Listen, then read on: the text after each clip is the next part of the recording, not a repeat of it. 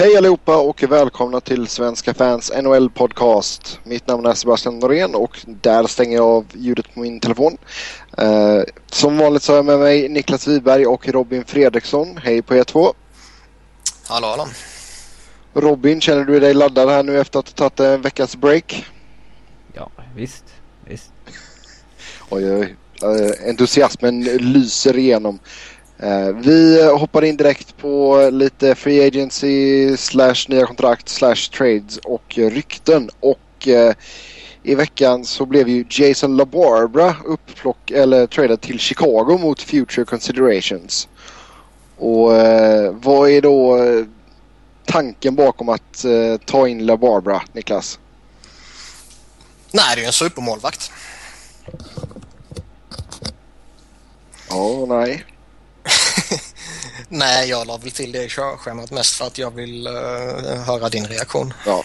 Nej, men alltså jag kan, jag kan köpa att man gör det för tydligt, eller det syntes ju ganska rejält att Habibullen är ju totalt slut nu. Framförallt är han skadad. Och Crawford är skadad. Ja, to ja, och totalt slut. Och sen så vill man kanske inte ha, ha en, eh, vad är 21-åring eller någonting som backup liksom som är helt oprövad. Det, det känns sådär samtidigt som att Ran, alltså, Ranta är ju en bra målvakt men samtidigt så är han ju hyfsad, han är ju oprövad i NHL liksom. Så få in Labaro som backup ett litet tag, det, det är väl ingen... Han är ju fjärde målvakt liksom, egentligen. Ja, exakt. Och det, det är ju liksom inget farligt liksom i några veckor eller någon månad sådär. Um, Nej, man ger inte upp någonting heller. Future considerations är ju i princip ja, en gåva. Ja, så det, det är väl bra för båda parter där och det är väl kul för La Barbara att få bo i Chicago lite. Eller mm. Några som har det väldigt bra på målvaktssituationen ändå trots skador det är ju Los Angeles. Där först eh, Ben Scrivens gick in och stängde igen rejält och sen eh, Martin Jones har kommit in och varit spektakulär. Man kan inte säga att man har saknat Jonathan Quick direkt. Nej, framförallt har väl Quick eh, inte varit jättefantastisk. Det var inte förra årets grundserie heller. Mm. Men nej, det är en jävla skillnad på en Jonathan Quick som har levererat över flera år. Någon som har kommit in och levererat ett, ett par matcher. Eh, nu ska vi visserligen tillägga att det Jones har visat här, det är ju inte ett vanligt exempel på när det kommer upp en ung målvakt och spelar lite på adrenalin ett par matcher för att sedan falla. Utan Jones har ju verkligen varit... Jag menar, han släppt in fem mål på fem matcher. Och mm. hållit två nollor. Det är liksom... Han har varit fenomenal liksom. Han är... Ruggigt bra. Bra pickup för alla som spelar fantasy hockey också. Odraftad 23-åring. Ja, det är trevligt. Uh, nej men alltså vad ska man göra nu i LA när Quick, Quick väl kommer tillbaka? Trader Quick, han är värdelös. ja. Nej, man har inget val. När, man, det... när man har signat ett sånt där långtidskontrakt med målvakt, då har man ju handkaffat sig. Ja, det är klart. Jag, jag, tycker inte man ska trada honom. Han är ju en av, i normala fall, en av ligans bättre spelare. Eller eh, målvakter då. Um, och hans uh, stats i slutspelet är väl rätt talande kan jag tycka. Uh, man brukar veta vad man får av honom. Så det är klart att han ska vara kvar. Det som är lite intressant är ju däremot eh, en sån som Jones förtjänar ju inte att skickas ner även om jag eh, och säkert många andra tror att det är det som kommer ske när, när Quick är frisk igen. För det är den enkla lösningen. Jo, men jag tycker man kan jämföra det lite med alltså, Anaheims situation där. Alltså, Fredrik Andersen kommer in och spelar jättebra men när de väl har sina två första, ja, e-, ettan och tvåan liksom friska då, då blir, blir det att han åker ner igen. Nej men så är det ju. Uh, så det, det, sen är det alltid en diskussion om vad som är rättvist så att säga och, och vad som inte är rättvist och om man ska lägga någon vikt i det. Som GM och som coach kanske man ska göra det men som uh, supportrar i en diskussion så är det en rätt rolig eh, punkt att lyfta tycker jag. Uh, framförallt när man har en sån som Ben Shrivens som ändå har gjort det uh, väldigt, väldigt bra. Så som rimligtvis bör ha ett visst värde i sig om man uh, redan nu bestämmer sig för att nej, men vi vill satsa på Jones istället. Jo men frågan är verkligen alltså kommer Jones få spela tillräckligt många matcher Alltså om man skulle ha backup för att det skulle vara värt att skicka iväg Scrivens. Förstår du vad jag menar? spelar så här bra så kommer han ju få spela som tillräckligt många matcher. Alltså fortsätter han leverera sådana här siffror så kommer han ju skapa en situation där han får spela tillräckligt mycket matcher. Sen beror det på lite vad man får i ett utbyte också. Alltså kan LA uh, skicka Shriven så kanske en av sina backar som man kanske kan ha råd med beroende på hur skadeläget ser ut så kan man ju faktiskt få in den vänsterforwarden som man kanske fortfarande letar efter. Ja, det hade varit trevligt. Mm. Eh, det är en annan marknad för en sån som Scrivens också. Det är inte som att försöka deala en Ryan Miller för två förstahundsval. Eh, Nej, absolut inte. Det finns ju säkert många som kan tänka sig att hugga på Scrivens. Typ... Eh, 550 000 i kapp. ja, alltså... De, de vill ju förmodligen inte skicka någon till ett annat lag i, i West. Men eh, om vi tittar på till exempel eh, eller Pittsburgh Penguins. Skulle nog hellre ha en Scrivens än Satkoff. Eh, att konkurrera med The Flower.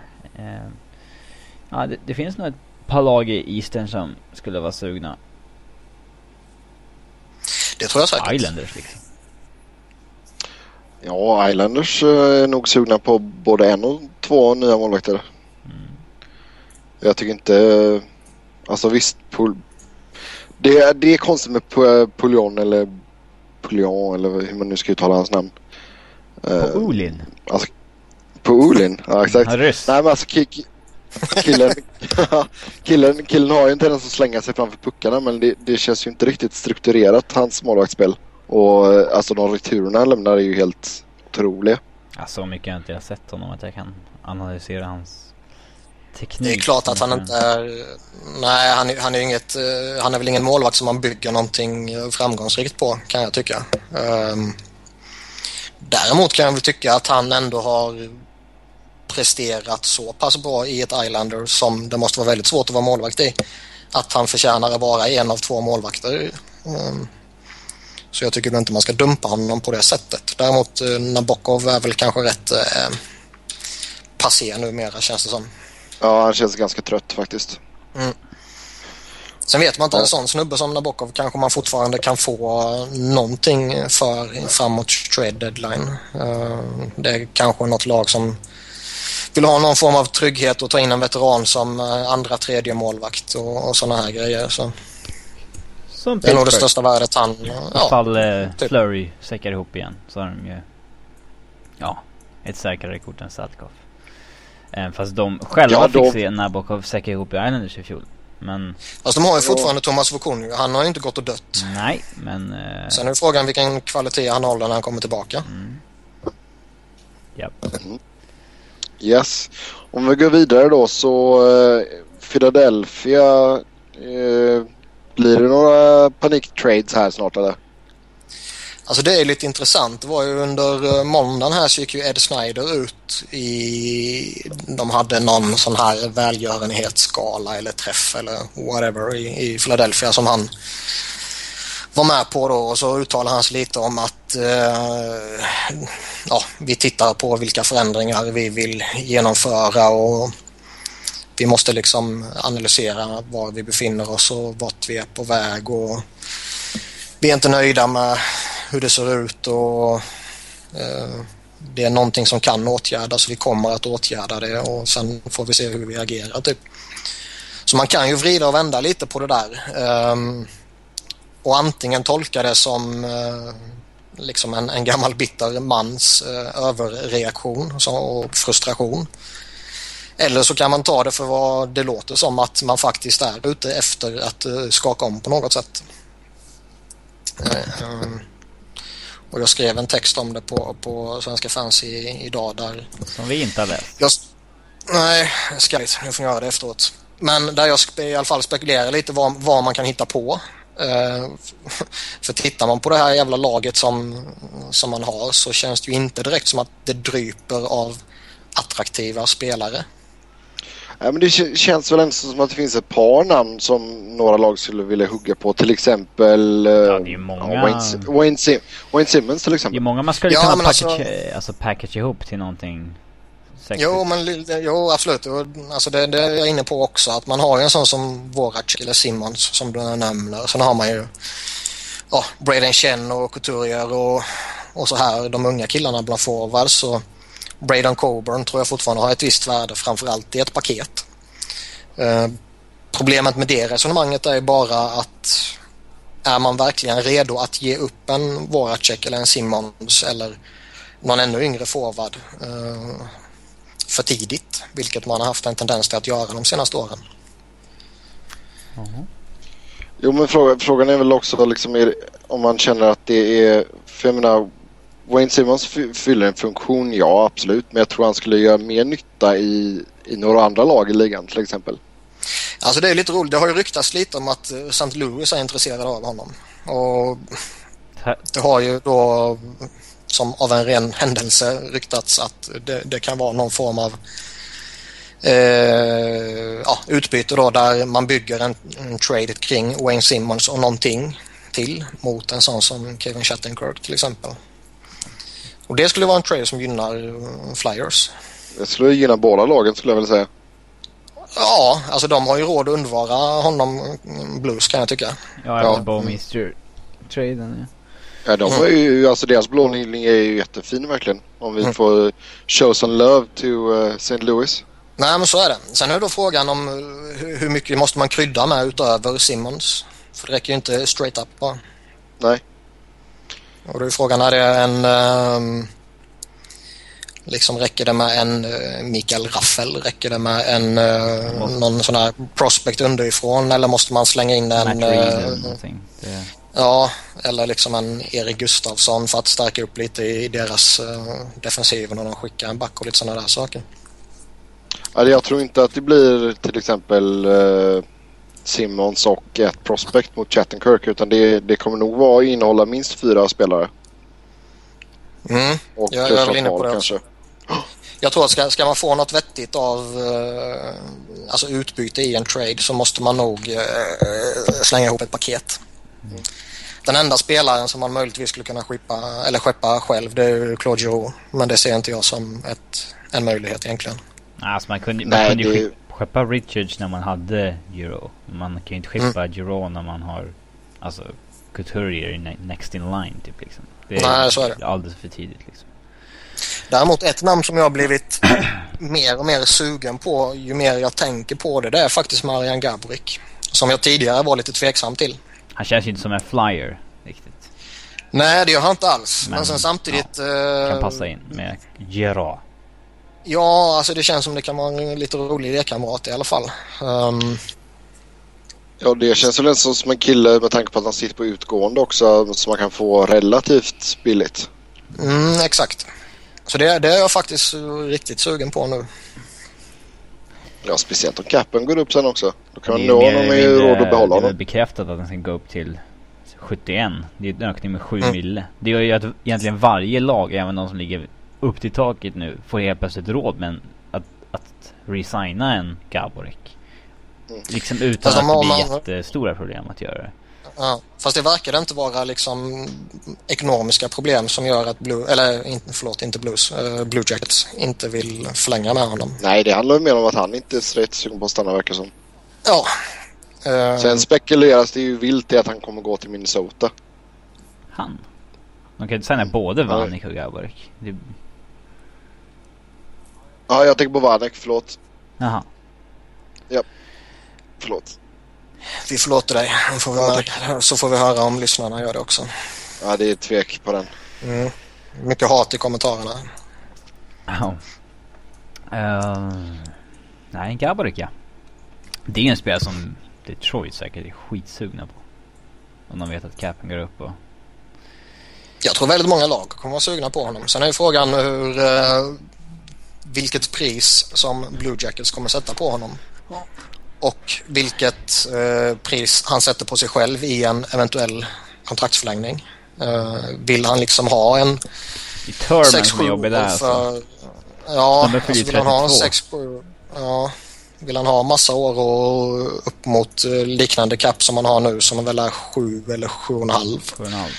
då, då blir det nog rätt jobbigt för många lag att, att signa honom så lång tid. Då får han gå till. Islanders eller något sånt. Ja, exakt. Eh, Men som sagt, kan man få in honom på ett... eh, till, till ett vettigt pris och, och sen liksom se hur han funkar helt enkelt med Giroud och sen eventuellt förlänga med honom. Då, då skulle jag tycka det vore lite spännande faktiskt. Om vi säger så här att du... Okej, okay, om... Om du är GM och de erbjuder Gaborik mot... Ja, ett förstarumsval. och Wayne Simmons. Och du eh, ja, i förväg får snacka med Gaborik och du får ja, han vill att signa fem år på sex mille. Skulle du göra det då? Eh, det är nog precis på gränsen där någonstans där det är väldigt svårt att, att säga det ena eller det andra. Eh, Kontraktet är väl lugnt? Fem år, sex mille, det är väl... Kontraktet får... är väl inte det stora problemet. Det kanske är snarare att vill man ge upp både ett första val och en, en Simmons liksom. Vi säger att det är lottery protected då. Tredje val då? Lottery protected första rundsval. Uh. Mm, nej, det är svårt. Sen, sen, alltså det, det som påverkar, jag, jag tror det väger rätt tungt för Flyers att släppa första valet eh, den här sommaren med tanke på att draften är i Philadelphia. Ah, jag tänkte jag, mest på att det var en jag, dålig draft. Alltså en sämre ja. draft. Jo, det förstår jag men eh, jag, jag, tror det kan påverka faktiskt hur, hur man värderar ett första val. Mm. Ja. Eller så kanske man tradar bort det på under draften. Ja, absolut. Det finns tusen möjligheter. Men som sagt, jag, jag är väl, nu är väl jag inne i, i det skedet att uh, de, de, de har vikt ner sig så många gånger och de har presterat så jävla värdelöst så många gånger så nu är jag i princip redo att skeppa ut vem som helst med vissa få undantag. Ja, det är som sagt det blir mycket att fundera på för Flyers. Det känns så. Men fortfarande East är fan inte bra och de, det är bara tre poäng utanför slutspel så att det det är, där, det är därför det är extra som... lockande att göra en trade kanske ifall det blir något lyckat. Men det, det är det som är lite, lite vanskligt också för alltså jag tror, alltså det, det rätta för Philadelphia det vore ju egentligen att göra sig av med de veteraner man kan göra sig av med. Och, och liksom och... Ja, och, och, på något sätt försöka börja bygga om lite mer långsiktigt. Eh, det vore nog det rent objektiva vettigaste. Men det kommer inte ske. Eh, de, de kommer aldrig jobba så så länge Ed Snyder drar i trådarna. Liksom. Så länge Ed Snyder är gammal. Så länge han lever. Ja, men, jo, men det är liksom så länge han lever kommer han ju bestämma. mm. Annars hade det fan varit det rätt. Ganska lockande och kanske, jag menar, Hartnell är ju inte jättemycket värde men om de i alla fall kunde bli av med det med det kontraktet och kanske skeppa ja men Timon är vid deadline till ett slutspelslag och liksom få en lite pusselbitar sådär och sen ja, bygga om kring Giroud, Couturier, Chen och våra check Simmons. Det är ändå fortfarande spelare som är 25 år eller yngre att Alltså man har ju en jävligt spännande ung core mm. Eh, i NHL redan idag. Sen har man väldigt många spännande underifrån också. Eh, alltså en handfull spelare som känns som att ge dem tid så kommer de bli bra NHL-spelare så att säga. Så det, jag, jag, tror det skulle vara det rätta och rätta vägen att gå men eh, det kommer inte ske. Framförallt inte nu när man ligger så nära den här slutspelsplatsen som, som du var inne på Robin. Då, då tror jag man kommer göra någon sån här ja, någon form av paniktrade. Alltså skicka någon ung lovande och något hyggligt draftval kanske och sen eh, ja, mot vem det nu blir liksom. Någon, någon, som man kan tro kan ge den här eh, snabba, ja en quick fix helt enkelt. Ja, Scott Hartnell. Han har väl släppt en bok här nu också. Har du önskat den i julklapp? en barnbok ju. Det har jag ingen behov av. jo då. Uh. Kolla om du kan få den signad. Uh, han uh, ska nog behöva prestera lite bättre på isen innan jag ska ge han ännu mer pengar utöver hans kontrakt liksom. Ja, då går vi vidare till avstängningar och det har varit en del. Kan vi börja med Sean Thornton i Boston som uh, åkte på 15 matcher. Uh, är det rimligt? Ja, alltså vi, vi snackade ju om det förra veckan och vi sa väl 10-12 matcher jag för mig. Ja, vi trodde minst 10 i alla fall. Ja, något sånt var vi inne på. Och 15 känns väl, om man tittar lite på vad som har hänt tidigare och allt sånt här, så känns det ändå som hyggligt eh, rimligt. Det, det, tycker jag nog. Um... Robin, vi har inte fått höra din åsikt om hela den här situationen. Han slår jag i ansiktet. Ja. 15 matcher. Nej, jag... Det är det som det är, jag tycker... Det är svårt att ta på hela situationen när man liksom bara sett lite klipp i efterhand på... Eh, det känns ändå som att man ska typ se matchen och ta in hela hela händelseförloppet i... Eh... Det, det, de för, det de förklarar det är ju att det är, liksom, det är ju inget hockeyplay utan det är ju en hämndaktion. Mm, men det är ju... Uh, det var ju knappt ett hockeyplay när Webber körde in Zätas huvud i sargen heller men... Nej, jag tänkte säga det är inget hockeyplay och jag menar fan ta inget hockeyplay när James Neal dunkar knät i Brad Marchands huvud. Det är visserligen Brad Marchand uh, fitta men... Det, det... Ja, jo, jo, absolut. Och han blir inte skadad. Jag menar, det kommer alltid påverka och Bruce Orpik blev ju skadad som sagt. Men det, det som jag tycker är lite liksom anmärkningsvärt i hela situationen det är att han kommer överklaga. Mm. Eh, frågan är hur jävla ångerfull han är då som han sa att han var efter matchen. För jag kan tycka att... Jo, men vadå, det, är klart man kan vara ånger, det är klart man kan vara ångerfull men sen att, att han känner att han bestraffas lite väl hårt. Förstår du vad jag menar? Jo, jag förstår vad du menar och det är så han resonerar givetvis. Men, men eh, jag förstår inte hur man kan tycka så och tänka så. Eh, vi pratade mycket förra veckan och jag anser ju fortfarande att James Neals, vad han gör är värre än vad Sean Thornton gör. Ehm, och någonstans kanske han känner något liknande att okej, okay, får han fem matcher för det och jag får 15 för det här. Eh, är det verkligen fair?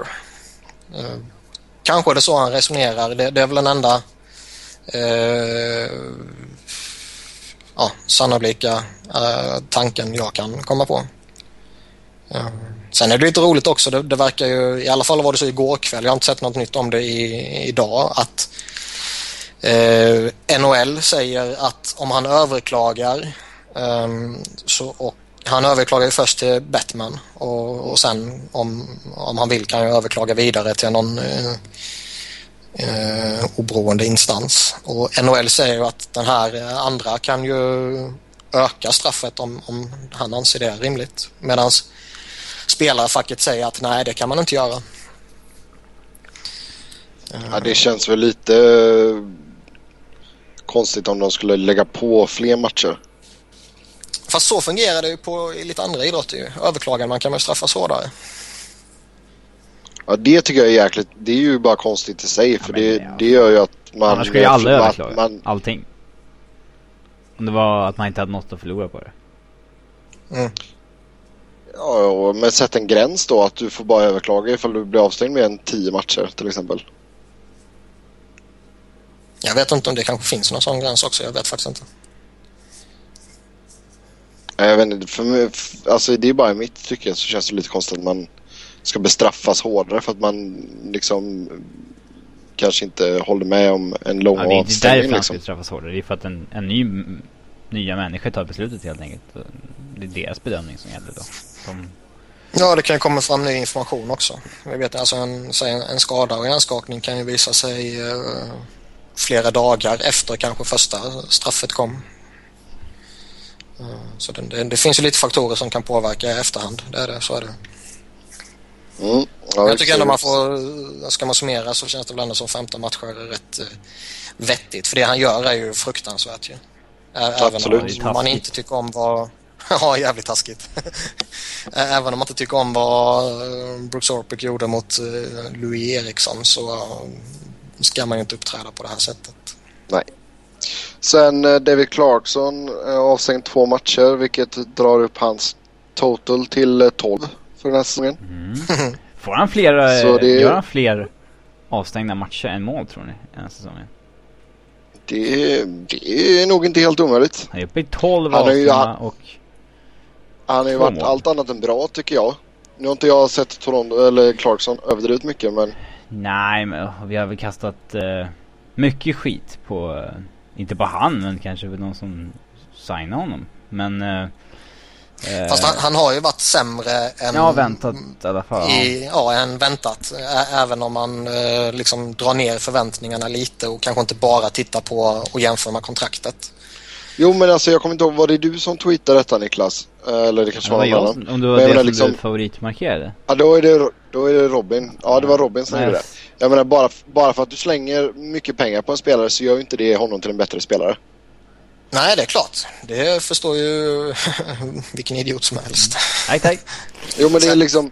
Sen, Ja, sen, men det, sen ja, finns men det det ju... känns ju som att Toronto-fansen förväntade sig en... De började hypa upp honom 30 själva så jäkla mycket också. Så här, kallar han för Ja. Wendell Clarkson och... Jo, men så är det ju alltid när hemmasonen kommer också. Det blir alltid lite ytterligare press där. Och sen är det ju, alltså vissa spelare presterar ju bättre när det är mycket press på dem. Och jag menar ett, ett dyrt och ett långt kontrakt, det, det sätter ju press på spelaren. Eh, vissa kan leva upp till det och Jag beror på hur man ser på sitt kontrakt. Eh, Vissa till en annan trygghet också. Det är mindre press. Men ja. Ja, absolut. Det, det, det kan man ju... Alltså det är öppet för tolkning så att säga. Men, men vissa kan, kan ju höja sig av en större press. Och baserat på det lilla vi har sett hittills, det är trots allt en rätt liten sample size. Men baserat på det vi har sett hittills så gör ju inte han det. Han har haft eh, lite otur i eh, målproduktion också. Han har två mål på 50 skott. Det är, det är lite under hans average vad han brukar säga. Mängden skott han brukar sätta i mål. Eh, så faktiskt så att Det kommer nog inte... Eh, alltså ja, jag tror nog att han gör fler mål än matcher till slut. Alltså matchers eh, avstängningar. Ja. Avstängningar. Ja. jo. Jo, det, det tror jag med. Eh, Det, det är väl bara... Om man inte åker på en till 10 matcher. Det är för... ja, allting kan ske med den jävla idioten. Nej, så vi får se det. Men alltså det är ju... Det är som sagt, det finns ju ett par namn som ligger gott till årets eh, floppvärvningar och där är ju Clarkson absolut ett av namnen. Mm. Det- Även det- om Steven är- Weiss utmanar rätt hårt. Steven Wise är- favorit skulle jag vilja säga. Men det, det är också lite spännande att eh, nu är han ju en repeat offender på, på riktigt. Eh, så skulle det ske något igen så kan de ju slå ner eh, väldigt hårt på honom. Yes. Sen Anthony Peluso i Winnipeg. Tre matcher fick han. Mm. Jag, jag kan till och med tycka att ja, jag, jag skulle helt enkelt inte protestera om det kanske skulle varit någon match till heller.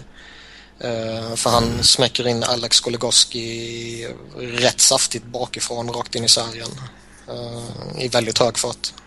Också taskigt. Alltså det känns Ja, det är väldigt, task, taskigt. väldigt taskigt och det känns ju väl, verkligen som någonting han hade kunnat undvika också ganska enkelt. Mm, det det är så här... Så, numren är där rätt tidigt liksom. Det är inte så att Goligoski vänder sig så sent heller och det... Har man lite hockey-IQ så läser man den där situationen ganska enkelt. Att Goligoski kommer skicka iväg pucken och när jag kommer dit då kommer han in, skickade iväg den för ganska länge sen och har... Ja, har ryggen helt till. Eh, så att Ja, det- man bara suger upp honom mot plexit. Ja, liksom. det är, det är ganska enkelt att läsa den där situationen och förstå att nej, det här är en situation jag inte ska smälla på, helt enkelt. Eh, men, eh, ja, så kan det gå. Jag vet inte om han blir skadad. Har ni koll på Eh, det? nej, jag, jag visste inte så att det hade hänt. Jag såg det nu. Jag tror inte att han blev skadad, nej. Eh, nej, det blir han inte. Och det, det påverkar ju alltid givetvis. Sen eh, Corey Potter eh, i Edmonton, eh, två matcher. Ja, eh, också en boarding mot Nick Bonino, Anaheim. Eh, eh, li, lite samma där. Jag skulle inte heller protesterat om det skulle blivit någon match till. Eh, Jag tycker inte den är lika farlig. Alltså det, jag tycker inte den är lika farlig. Det är mer än så här att Nej, nej, nej, nej, nej. han, Bonino Men- men råkar vara i menar- obalans när han får en... en Ja, absolut. Men om man säger liksom skillnaden mellan den här och Pelusus är liksom att ja, Pelusus ska ha några, någon match mer än Potter. Men eh, jag skulle inte protestera om båda får lite mer så att säga. Men att det fortfarande är en skillnad mellan dem. Varför, eh, när Potter delar ut den här crossringen i ryggen på honom så han flyger med huvudet först inside. Då står ju huvuddomaren fem meter därifrån. Varför lyfter han inte armen för utvisning?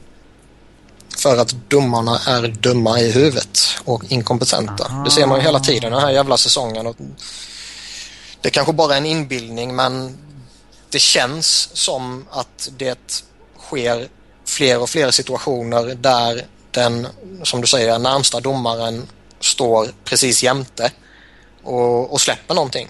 Medan domaren Ja, står i... vågar ta det. Ja, liksom sen domaren står i, och står i mittzon, lyfter på armen och blåser. Ehm, när det är jättetydliga saker. Kanske bara någonting som man reagerar på mer än vad man gjorde tidigare eller så. Nu fick han ju matchstraff för det här men det var ju det är så här i efterhand man sett att han blev skadad så oj oj oj. Typ. Det, det, den har man ju sett för. Framförallt om man följer svensk ishockey. Där till och med regeln säger blir det skada vid charging så är det matchstraff. Vilket mer eller mindre betyder att så fort någon blir skadad av en tackling så är det matchstraff. Liksom för charging kan man ju alltid hitta på så fort någon är skadad. Ja, absolut. Så Mm. fjollig regel. Ja, det var det. Sen uh, Derek Engeland, Pittsburgh har uh, in-person hearing på onsdag. Alltså, ja det kan ju vara så att det redan har hänt när ni lyssnar på detta. Men eh, vi får väl spekulera lite om vad han kan få för eh, avstängning här. Alltså det kändes som att den här tacklingen den kom lite taskigt till för England. Att det liksom Det skedde precis när det hade skett en massa andra tacklingar nyligen och de liksom Nu statueras, statueras exempel med honom. Och att han får ta lite smällen här för många andra. Eh, även ifall den här tacklingen i sig var ganska ful så tror jag inte att det hade varit en in-person hearing ifall vi inte hade haft ganska mycket andra avstängningar och skit dagarna före. Det var i alla fall Tror du man resonerar på det sättet? Ja, den känslan jag fick att liksom det var många, många avstängningar där på några dagar och sen kom den här så då typ ja, nej nu, Sätta ner foten ja typ. typ, ja sätta krafttag. Mm. Jag vet väl inte om jag håller med dig i det resonemanget även om jag kan förstå att man lyfter fram ett sånt resonemang. Den är väl rätt eh, ful, tacklingen kan jag tycka. Det är Misstajmad. en... Nej, det är inte bara misstajmad. Jag tycker man ser tydligt att han går efter huvudet. Sen, sen ska man säga att Abdelkader i Detroit lutar sig framåt också och kommer i en lite eh, onaturlig position.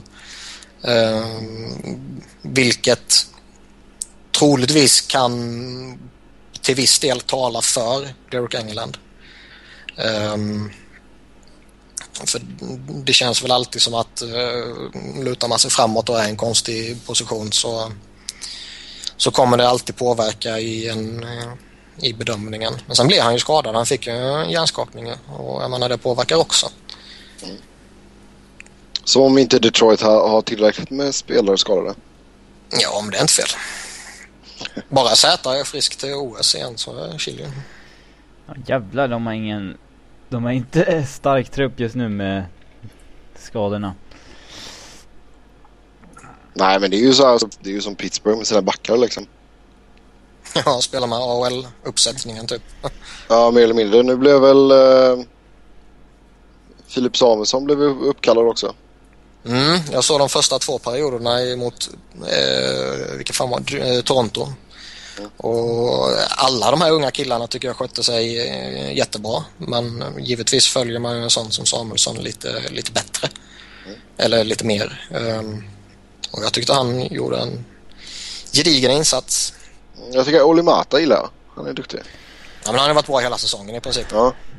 Det, det som är lite förvånande däremot är ju att jag tycker inte att Toronto på något sätt överhuvudtaget lyckades utnyttja att Pittsburgh kom till spel med ja, en backbesättning med en snittålder på typ 17 och ett halvt år.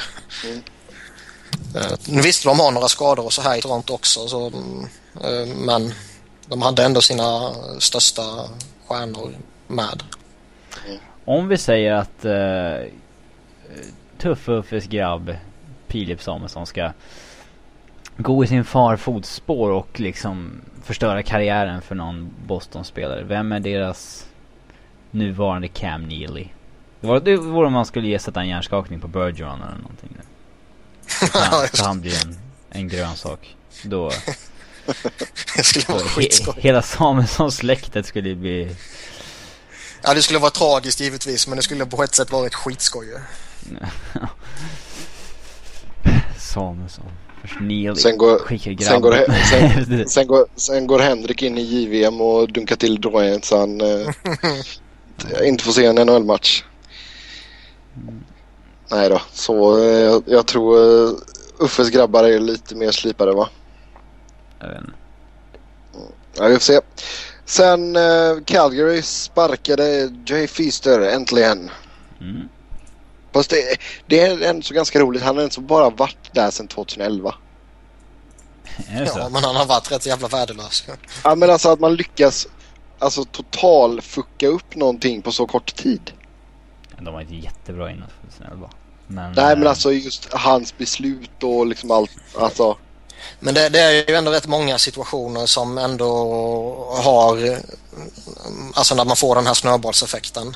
Eh, Allt ifrån eh, hela Ryan O'Reilly-grejen till jag tycker utbytet man fick från en sån som Iginla var ju till exempel på tok för dåligt. Eh, mycket...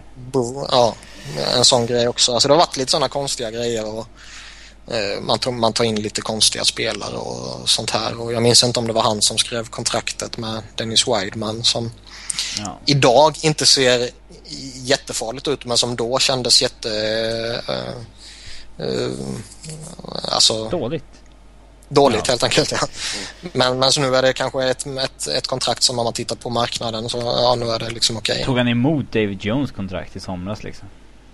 Det, de har ju satt redan på ett liknande med Hoodler och de har haft många tveksamma ja, halvbra spelare som har suttit på någon miljon för mycket och något år för mycket och många sådana spelare som Calgary har signat eh, liksom på free agency för att nå en slutspelsplats. Det har inte alls gått. Är det. Sen ska man väl inte hänga honom för att Nej. det inte är så jättemånga unga spelare som inte har hunnit komma upp ännu. Ehm, Han har ju draftat konstigt också. Det har han ju fått skit för. Ja, jo absolut. Men, men jag menar, om, om, man tittar, Kirk. Om man tittar de som han har draftat har ju inte egentligen eh, haft en eh, rättvis chans att slå sig in i NHL ännu. Den, den, det kan ju trots allt ta några år. Mm. Ja, de här... Men däremot om man tittar på Calgary generellt så har ju deras eh, utfall i de senaste drafterna, eh, även innan Feaster, inte varit jättesexigt väl. Nej, men Calgary-fans är man nog ganska frälst över Monahan att han har kommit in så pass bra ändå. Ja, han är jag jätteförtjust i, det vet ni. Mm, Men liksom titt- tittar man vad, vad de gjorde av sina draftval innan eh, Alltså kring eh, 08, 09, 10 och strax där innan så är det ju inte eh, jättesexiga namn direkt. Vi hittar en Mikael Backlund som kanske är den största succén liksom. Och Det är ganska tragiskt. ja, han är ingen succé direkt. Ja. Finns det något klart och tydligt namn här som Burke borde försöka ta in eller kommer han gå ner själv och köra i GM-rollen också? Jag tror han kommer köra GM själv. Ehm, jag tror väl inte att han i det här läget kommer ge sig efter någon sån här snubbe som har varit assisterande GM i något annat lag i en 6, 7, 8, 9 år eh, och som förtjänar en chans kanske. Utan eh, han- kommer nog hitta antingen eh, någon som har varit GM tidigare eller gå ner och bossa själv. Och jag tror sannolikheten för att han tar det själv är större i slutändan. Tar han två löner också då? Ja, eller tre. Man brukar ju få lite extra pröjs om man har en extra hittepå-titel eller någonting. Mm. Ja, vad, vad tror vi kommer hända med spelartruppen då när det väl finns en GM på plats? Det beror på om det är Bu- Burke själv som... Ja, om vi utgår från att det är han själv som ta tag i prylarna så då... Då kommer det nog röra sig om lite i grytan. Det tror jag nog det kan göra oavsett vem som kommer in egentligen. För de är väl i ett läge nu där, eh, ja. Vi pratade eh, Philadelphia tidigare att man ska börja bygga om och så här och det ska väl Calgary definitivt också göra. Eh, tycker jag. De har vissa pusselbitar som det kan vara lönt att, bygga vidare på men är verkligen en sån som eh, Mike Camilleri någon som ska bära Calgary in i framtiden. har man kanske inte till och med mer eh, nytta av honom i en trade än vad man har i, ja, i truppen helt enkelt. Det kan jag hålla med att Camilleri är ett namn som man borde försöka trade iväg för lite antingen yngre förmågor eller draftval. Eller en kombination. Ja, alltså snubben har ändå gjort 10 mål på 26 matcher. Det, det tycker jag är en hygglig utdelning i Calgary. Um, visst, 6 miljoner capita är väldigt, väldigt mycket uh, för honom. Men han har utgående kontrakt och uh, man bör kunna hitta en lösning där på något sätt. Uh, så han, han, tycker jag definitivt man bör överväga att, eh, att, att släppa helt enkelt. Sen är väl problemet det här att ehm, deras eh, drafter de senaste åren känns väl inte jättesexiga då. Nej. Ja, vi får se vad som händer med Calgary. Vi hoppar över och så ska vi snacka lite Ottawa Senators. Och i eh, inspelningsstund så är man 13, 15 och 6 och har skrapat ihop 32 poäng. Och det är, vi har inom situationstecken här bara. Man är till och med faktiskt 14, 15, 6 för de spelade ju i natt här.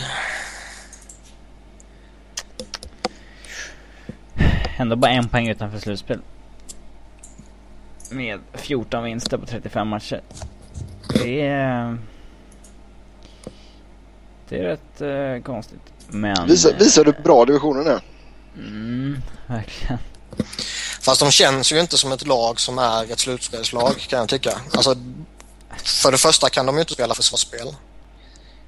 Eh, och det känns liksom allting som man blev så imponerad av eh, när de hade alla, alltså sitt skadehelvete tidigare. Och de ändå lyckades spela väldigt bra och trots att varenda stjärna var borta nästan så, så vann de sina matcher. Det tycker jag man ser väldigt lite av numera. Alltså stora, den stora, stora pucken är ju att Craig Henderson inte alls är lika bra som han var i fjol. Alltså inte ens i, i närheten.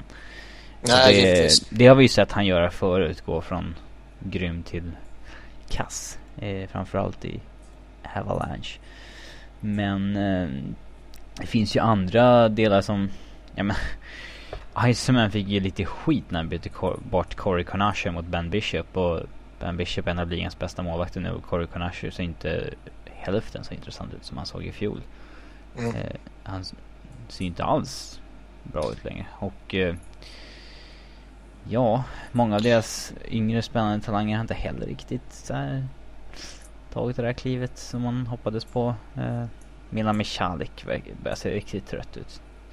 Eh, då har ändå en sån som Clark McArthur varit en ganska, eller väldigt lyckad för agency signing. Men det... Jo men alltså sen jag tror det med Bishop var väl att man kände en som man hade Lene på uppgång. Ja då. Ja absolut. Ja, jag tycker det, den, den traden kan man väl inte kritisera direkt. Nej. Men alltså på, på tal om Lene då, alltså är, det, alltså är det dags för Lene att ta över på heltid? Heltid, heltid men... Ja men alltså att det blir mer av en 1A, 1B situation. Jag tycker det. Uh, Spela den som är bäst bara och så... Det lär ju vara Lene just nu. Mm. Man lär vara där det. Uh, men tittar man här, alltså både kortsiktigt och långsiktigt så är det ju Lener som är uh, the man helt enkelt. Jag tror inte att Craig Anderson skulle vara svårflyttad på marknaden heller. Alla vet hur jäkla bra han kan vara. Och det där kontraktet är riktigt bra han sitter på så att... Uh, det, är, det, är nog många, det är många som är sugna på honom. Alltså hade gärna signat honom. Ja, men man behöver ju inte göra sig av med honom nu heller. Nej. Utan det är ju även, även om han i rollen som andra målvakt bakom Robin Lehner skulle tjäna för mycket givetvis så är det ju inte ett kontrakt som dödar på det sättet. Nej. Nej, det är det absolut inte. Sen uh, Jason Spezza, är, det, är han en tillräckligt bra spelare för att leda ett topplag?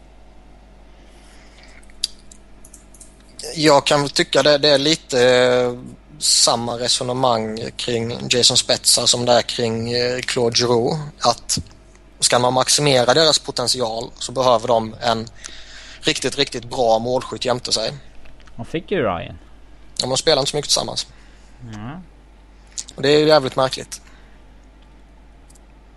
För det känns att har man två sådana spelare så bör de ju vara på isen 100% av eh, tillfällena liksom. Ja men de kanske känner att de inte blir tillräckligt slagkraftiga ifall de sätter de två ihop. Nej, det är ju det.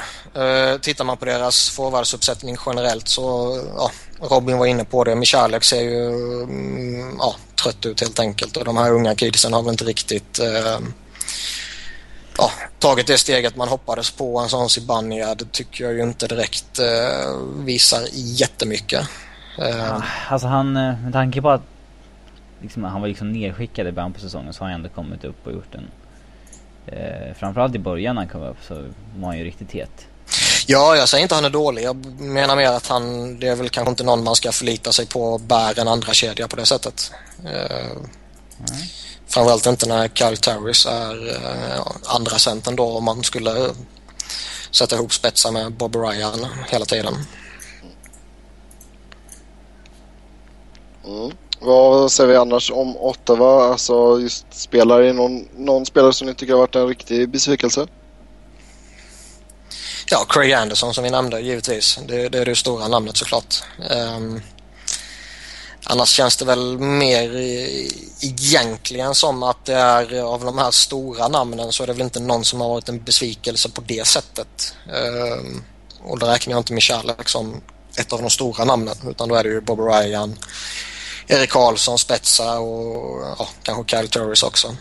Mm. Ja, det är ju svårt att undgå att snacka Erik Karlsson när man snackar Senators. Så, mm, visst, poängen finns där men är, är han tillbaka i Norris-form?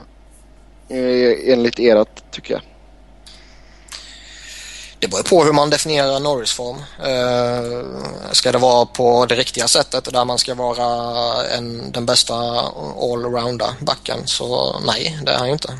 Men ska man titta på hur det faktiskt ser ut så är det ju den som gör mest poäng i princip. Mm. Och där ligger han ju bra till. Bra till, absolut. Um, så länge han gör sina poäng så kommer han ju alltid vara högt ansedd. Och det, är, det ska han ju vara. Han är väl ja, den bästa offensiva. Ja, absolut. Däremot har han har svalnat av lite mot slutet nu. Han har ja. två, två plus tre eller någonting på de sista tio matcherna. Vilket ju är väldigt mediokra siffror för att vara Erik Karlsson. Ja, han, eh, och ändå han är nästan över en på, poäng per match där så. Ändå är han nästan uppe på en poäng per match. Så det, sina ja. poäng kommer han nästan alltid göra känns det som. Då är ändå Senators dåliga nu. Liksom. Ja, någon som har uh, överraskat er än så, så här länge i Ottawa? Robin nämnde ju Clark MacArthur tidigare vilket uh, i dagsläget ser ut som en uh, väldigt gedigen uh, signing. när jag ser Ottawa så känns det som att han står ut. Mm. Negativa överraskningar med Craig Anderson. man trodde väl inte att han skulle falla ihop så här mycket. Nej, det är anmärkningsvärt. Eh, Robin Lehner tycker jag man eh, kan eh, lyfta fram också i, ja, som, inte som besvikelse utan som positiv överraskning. Även om man inte har vunnit så jättemånga matcher så tycker jag ändå statsen är helt okej okay för ett lag som Ottawa. Yes. Ja, då ska vi prata lite inför JVM det är alltid roligt så här i juletider att titta på de unga förmågorna. Och eh, om vi börjar med att titta på eh, vilka spelare som man ska hålla ett extra eh, getöga på. Så eh, ska, ska vi säga två namn var? Det kan vi väl definitivt göra. Eh, man kommer ju givetvis följa sina egna spelare om man säger så ur eh, NHL-synpunkt lite eh, extra. Så det, det är ju alltid spännande. Men ska man titta på det rent objektivt så Connor McDavid kommer man ju inte ifrån. Uh, den snubben måste man ju tokspana på. Det ska bli sjukt intressant att se honom faktiskt. Mm. Om han nu kommer med i slutliga truppen, men det lär han ju göra. Ja, annars så en liten buzzkill. Mm. Samma sak liksom Aaron Ekblad, kommer, eller Ekblad om vi ska försvenska hans namn som är så vackert. Mm. Så kommer det bli spännande att se också. Um... De, eh, tänk på att uh, de som är liksom topp fem i draften inför säsongen, de brukar ändå all, alltid spela JVM, kanske ett år i förväg till och med. Men William Nylander kommer inte komma med i Sverige och han skulle ju ändå gå typ topp tre i draften. Eh, det skadar nog hans draftchanser. Ja, han är väl rankad femma på senaste draft-updaten jag såg på TSN tror jag. Ja, Craig Budden ja. Jo, han har honom som mm. femma. Sen har han Sam Reinhardt eh, etta, Aaron Ekblad tvåa. Mm. Sam Bennett trea. Sexa. Mm. Det, det, det, säger en del om att det är en svagare draft när många som är högt med inte liksom är med i JVM månaderna före draften till och med. Mm. Det, det är lite, jag menar Adrian Kempe han liksom ens varit uppe i diskussion och Craig Button har han som sexa på sin lista. Sen ska det faktiskt eh, bli jävligt skoj att följa Kasper i Kappanen. Sami Kappanens pojk. Ja. ja, det är ju en hel del. Eh, alltså även, du har ju... Eh, jag tänker på Stefan Mathieu i, mm. eh, i uh, Team USA. Och Zach Stepan som är Derek Stepans kusin. Uh, Henrik Samuelsson spelar, kommer ju antagligen komma med i USAs lag också. Uh, just i USAs lag då, uh, Jack, uh, ja hur säger man hans efternamn? Eckel, Eschel. Han är ju inte redo för draften detta året utan 2015. så om han tar sig in där det skulle vara jäkligt coolt. För det betyder ändå så att han måste ju ha något speciellt. Sen är det alltid lite eh, extra spännande att eh, följa de här snubbarna som har spelat i NHL redan. Alltså en sån som Elias Lindholm som vi har i Sverige. Filip Forsberg om, om han kommer, vilket mycket tyder på att han kommer komma. Mm. De, de två kommer ju få bära ett jättetu. Och vad har vi mer? Vi har Matt Dumba i Kanada va? Kanada, alltså en sån som Jonathan Drin kommer bli hur intressant som helst mm. att se. Uh, Sam Reinhardt som är liksom väntas gå etta i draften. Men man, en sån vill man alltid se vad, vad det är för snubbe. Alltså jag tycker överlag så tycker jag ändå så att uh, Kanadas lag ser jäkligt bra ut. De har ju alltså... Många namn man känner igen från drafts. Eller ja, alltså, de har ju liksom har... tio namn som är sjukt intressanta. Ja, du har ju Zachary Ficale och Jake P Patterson som målvakter. Till exempel och... Ja, vi sa det Ekblad eller Ekblad. Och sen även en sån kille som Bo Horvath till exempel som några kanske känner igen. Scott Lafton. Nu kanske jag, jag är ingen, expert på rysk hockey eller något sådär men om man kollar på deras trupp så de har inte riktigt den här super Sju, Sjukt många undraftade spelare såg jag. Ja men det, alltså det blir, ja, men det blir väl Grigorenko som är, blir deras eh, fixstjärna antar jag. Nu ska jag säga att jag inte har görkoll på, eh, på alla ryssarna här men. Mm. Nej han är, han är inte med i den, den listan jag kollar på så det var därför jag inte noterade hans namn. Ja, Grigorenko och Sadorov eh, kommer båda två tror jag. Ja, Sadarov är med i listan. Det, det blir också förresten, på tal om spelare som har spelat i NHL som är intressanta att följa. Både han och Rasmus Ristolainen eh, från Buffalo kommer ju vara intressanta att se. Mm. Men liksom målvakten i Ryssland, Vasiljevski, han, han får fortfarande vara mm. Och han har typ varit JVMs bästa målvakt två år i rad. Tampa draftad, alltså ett annat Ryssland i år kanske där det allt kommer handla om deras supermålvakt snarare än den offensiva stjärnan Kuznetsov, Jakobov eller Filatov eller vem det nu har varit de senaste mm. åren. Vad tror vi om finnarna då? De eh, slutade sjua förra året. Kasper Kappanen tar dem till stordåd. det kan vem som helst förstå. Med de generna. Fan, det finns inget uh, alternativ liksom. Mm. Nej, men det, det, känns väl lite som att det, på pappret och så här så är det väl eh, enligt tycke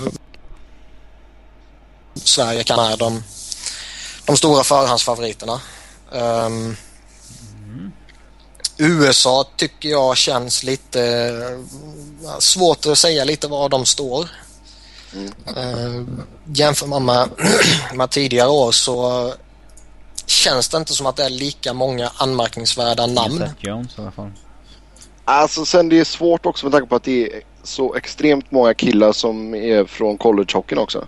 Mm. Det är inte jättemånga namn som liksom- liksom har varit högt upp i draften och, och skakat om. Nej.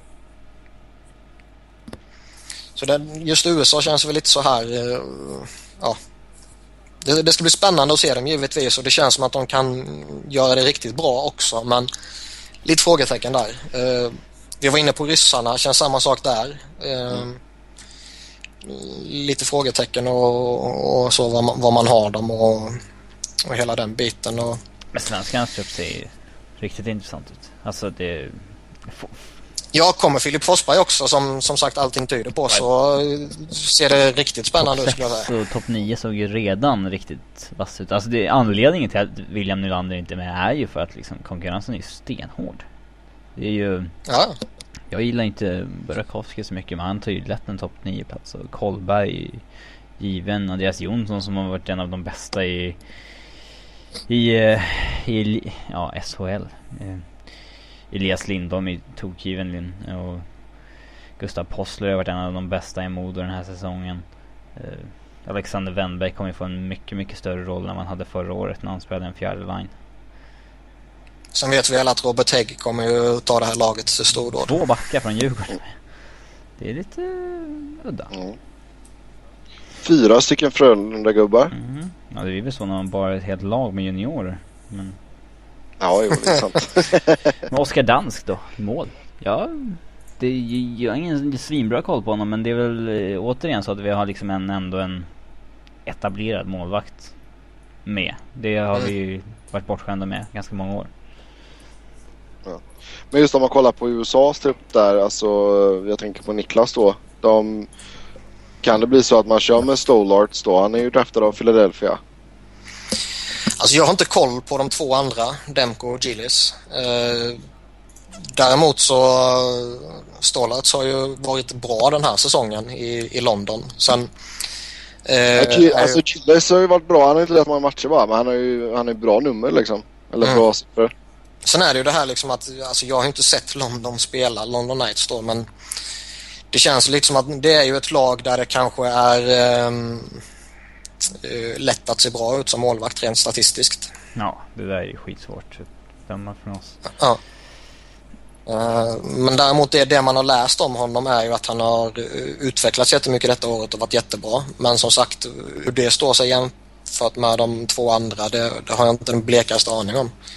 Däremot finns det ju inom, om man säger Flyers, eh, eh, ja, supporterskara och allt sånt här, så finns det ju förhoppningar om att han kommer bli första målvakt.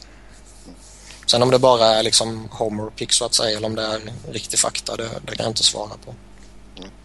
Ja, finns det något lag då förutom eh, som vi sa där Sverige och Kanada som storfavoriter? Alltså finns det något sleeper-lag här som vi tror kan komma att överraska? Ah, så bra koll har jag inte riktigt på Schweiz-Mark, jag vill inte påstå. Slova Slovakerna kanske? Så det känns, alltså Tjeckien och Slovakien och de här, de kan ju alltid hitta på någonting och det är svårt när man inte riktigt har koll på dem heller. Eh, tittar man igenom deras trupper så är det ju inte supermånga lag, eller lag menar jag, för, vad heter det, namn som man eh, liksom höjer ögonbrynen för. Eh, du har en Marko Dano i, i Slovakien och sen har du Mirko Müller i, i Schweiz till exempel som gick i första rundan eh, i somras här till San Jose. En back som eh, verkar kunna bli någonting. Ehm, men alltså det, det är alltid svårt. Den här, alltså, Jakub Vrana då? Ja, där är vi ett sexigt namn faktiskt. Men jag vet inte alls hur, hur högt han ligger på den här nivån just nu. Men det är en Mm. spelare som spås en stor framtid. Sen känns det, Nej. lite så, det känns väl lite så att vinner inte Kanada guld så är det ju alltid fiasko givetvis. Men i år känns det kanske De inte eh, hemmaplan ännu mer så. Nej, givetvis. Men i år känns det ju ännu mer så om man tittar på deras trupp eh, på namnen och man tittar på de andra lagen. Som att det skulle vara ett fiasko ifall de inte vinner. Ja, det är det ju alltid. enligt, enligt dem och, eh, och ja, eh, kanske enligt mig också. Men, eh, Men- ännu, ännu tydligare i år. Ja, hur blir det nu i och med att det är på... Eh, i Sverige? Alltså blir det stor is eller blir det fortfarande NHL-mått på Jag tror inte rinken? de bygger en liten rink till det här. Det vet jag inte hur svårt det är att göra det. Jag tror inte det går i många ishallar i Sverige. Det, alltså, det, de är, alltså problemet med det, det är att arenorna är alltid anpassade för att isen ska vara ett visst mått. Du skulle ju aldrig kunna göra det på till exempel Hovet i Stockholm. Då skulle man ju inte se någonting på sista hälften av raderna. Eh, Mm. Jag vet, Malmö har ju dock en väldigt modern arena där man sitter ända fram till kanten. Som NHL. Skulle man Mm. dra in den sargen två meter till typ då... Nej jag tror inte...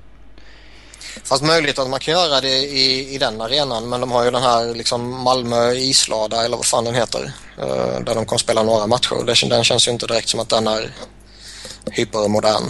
Nej. Nej, man, Så man jag, jag, jag, jag har inte läst någonting så jag vet faktiskt inte men det känns som att det kommer att bli stor is givetvis. Man spelar väl Men alltid det är väl- liksom hemma, alltså värdnationens landsmått. Det är väl det man alltid Ja. spelar på. Ja. Men då, då känns det ju inte så, som en sån grej som skulle kunna tala emot Kanada. Ja, det är nytt för dem, kidsen. Sen Ja. vissa kanske gyn- gynnas av det rejält. En Jonathan Drouin på med ännu mer yta och det... Ja. Han har ett bra JVM och så säger han nej jag sticker till Sverige istället. Det är roligare att spela på storis. ja, nej vi får se det som sagt. Det ska bli sjukt intressant att se. Eh, för det är en så några, några killar i alla fall som är för den uppkommande draften. Även fast de flesta är ju draftade. Det, det som är framförallt det som är så jävla skoj med JVM det är att det här är ju egentligen den stora chansen man har till att se de här spelarna.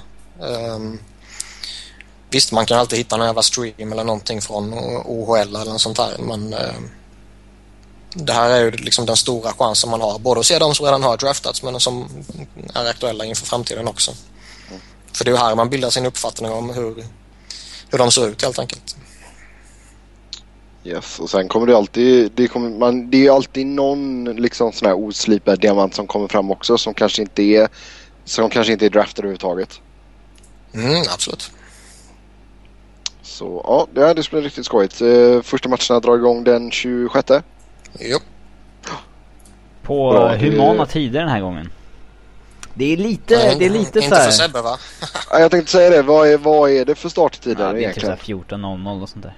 I svensk tid. 14.00 svensk tid. Ja, det är ju riktigt ohumana tider för oss här kan jag säga. Var man till Mm, det förtjänar fan. Men det, det gör ingenting för jag går upp ändå. Jaha. Ska det ses på hockey säger jag bara. Ja. Det, det spelar faktiskt ingen roll. Phoenix-mentaliteten. Fan, kan vi göra Ja. en hel säsong kan vi fan göra det under en vecka. Nej, men det är Sverige-Schweiz 26 december, den är klockan 19. Sen är det Ja, det- Sverige-Finland klockan 15. Sen är det Norge-Sverige 17.30. Sverige-Ryssland är 14.00 på nyårsafton. Ehm, det är lite, lite synd. Jag tycker ändå att JVM är lite, det är lite tradition att det ska gå typ 22.00 och 23-tiden och sådana där tider. Eh, Det är, ju, det är ju alltid roligare när det är i Kanada för där är det ju en jävla hype. Ja men, ja, Ja, är alltså, det gäller ju verkligen att folk- liksom. det, Folk får ju verkligen se till att åka ner till Malmö nu och gå på de här matcherna.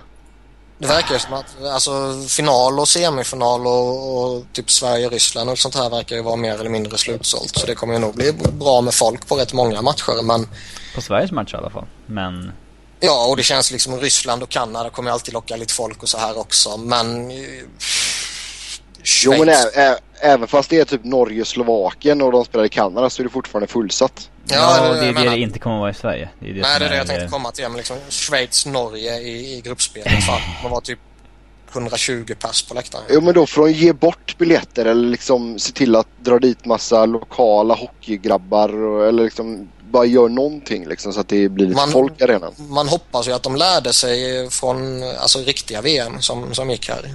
Eh, hur man inte skulle göra. Jag vet inte hur mycket hockeylag finns det kring Malmö, alltså området i, alltså mindre lokala lag, alltså med Jo men alltså även, även om du drar, alltså bjuder in lag från hela södra Sverige, alltså jag tänker från typ Göteborg och neråt ja, liksom. men åker de dit? La- För att kolla Norge, Schweiz? Ja, men det är gratis Ja, plåtat men det- hela det- laget eller bara sätta sig i en buss liksom. Det kan inte vara något lag som är nere och spelar en match där också för såna här grejer liksom. Så. Ja. Det är bara att strö ut biljetter till skolor och hela skiten. Så att det är folk på läktaren hela tiden. Ja. Jag menar även fast man, fast man inte får in biljettintäkterna så blir de köper ändå så lite läsk och popcorn och Ja. sådär. För det sista man vill höra det är ju att massa förståsigpåare i, i kanadensisk media ska sitta och klaga på Twitter här nu sen att åh vad dåligt med folk det här matcherna. Ja, Så kommer det bli.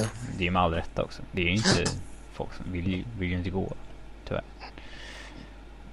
Ja, det var det.